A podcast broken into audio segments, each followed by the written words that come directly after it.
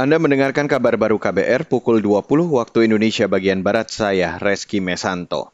Saudara Komisi Pemberantasan Korupsi atau KPK merespon survei Litbang Kompas yang menempatkan tingkat kepercayaan publik terhadap KPK di posisi terendah dalam lima tahun terakhir. Juru bicara KPK Ali Fikri mengatakan jajak pendapat itu menjadi bentuk dukungan pada KPK untuk meningkatkan kinerja.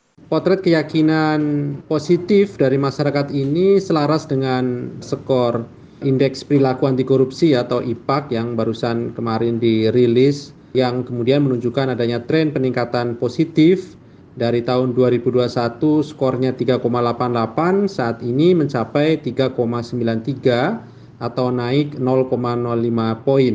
Juru bicara KPK Ali Fikri mengatakan keberhasilan pemberantasan korupsi tidak diukur dari banyaknya menangkap pelaku korupsi tapi juga menurunkan tingkat korupsi bersama masyarakat.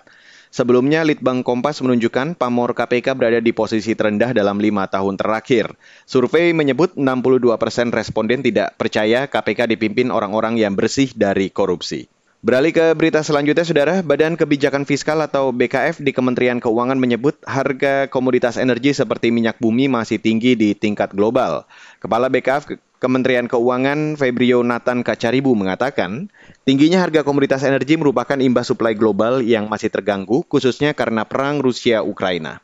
Untuk uh, minyak bumi misalnya crude itu masih 23,5 persen, walaupun sudah memang terkoreksi uh, cukup signifikan dan hari-hari terakhir ini kita juga lihat bagaimana harga dari minyak bumi ini juga sudah berada di bawah 100 dolar per barelnya ini akan terus kita pantau dengan risiko yang terus harus kita uh, take into account. Kepala Badan Kebijakan Fiskal Kementerian Keuangan Febrio Nathan Kacaribu mengatakan tingginya harga minyak dunia ini juga imbas memanasnya tensi hubungan dari blok negara-negara maju maupun negara berkembang, tidak hanya terkait perang Rusia-Ukraina.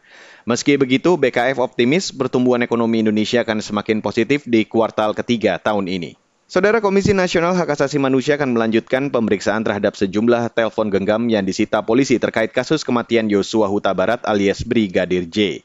Komisioner Komnas HAM Khairul Ana mengatakan, pemeriksaan lanjutan akan dilakukan selasa besok di kantor Komnas HAM. Kan kemarin Pak BK mengumumkan eh, dari 15 eh, HP masih ada 5 HP yang eh, belum diberikan keterangan karena masih proses dan itu akan diselenggarakan besok. Oleh karenanya tim hari ini memang apa meletakkan semua bahannya biar agak lebih tajam gitu ya. Itu persandingan dari keterangan satu ke keterangan yang lain dan sebagainya. Komisioner Komnas HAM Khairul Anam menambahkan pemeriksaan dilakukan untuk memeriksa kesesuaian dan ketidaksesuaian di dalam hukum pembuktian. Komnas HAM juga menyandingkan semua bukti yang mereka peroleh dan berbagai keterangan lainnya. Selanjutnya, Komnas HAM akan melakukan pemeriksaan balistik lanjutan pada Rabu mendatang untuk membandingkan data yang ada dari polisi. Dan saudara, demikian kabar baru saya Reski Mesanto.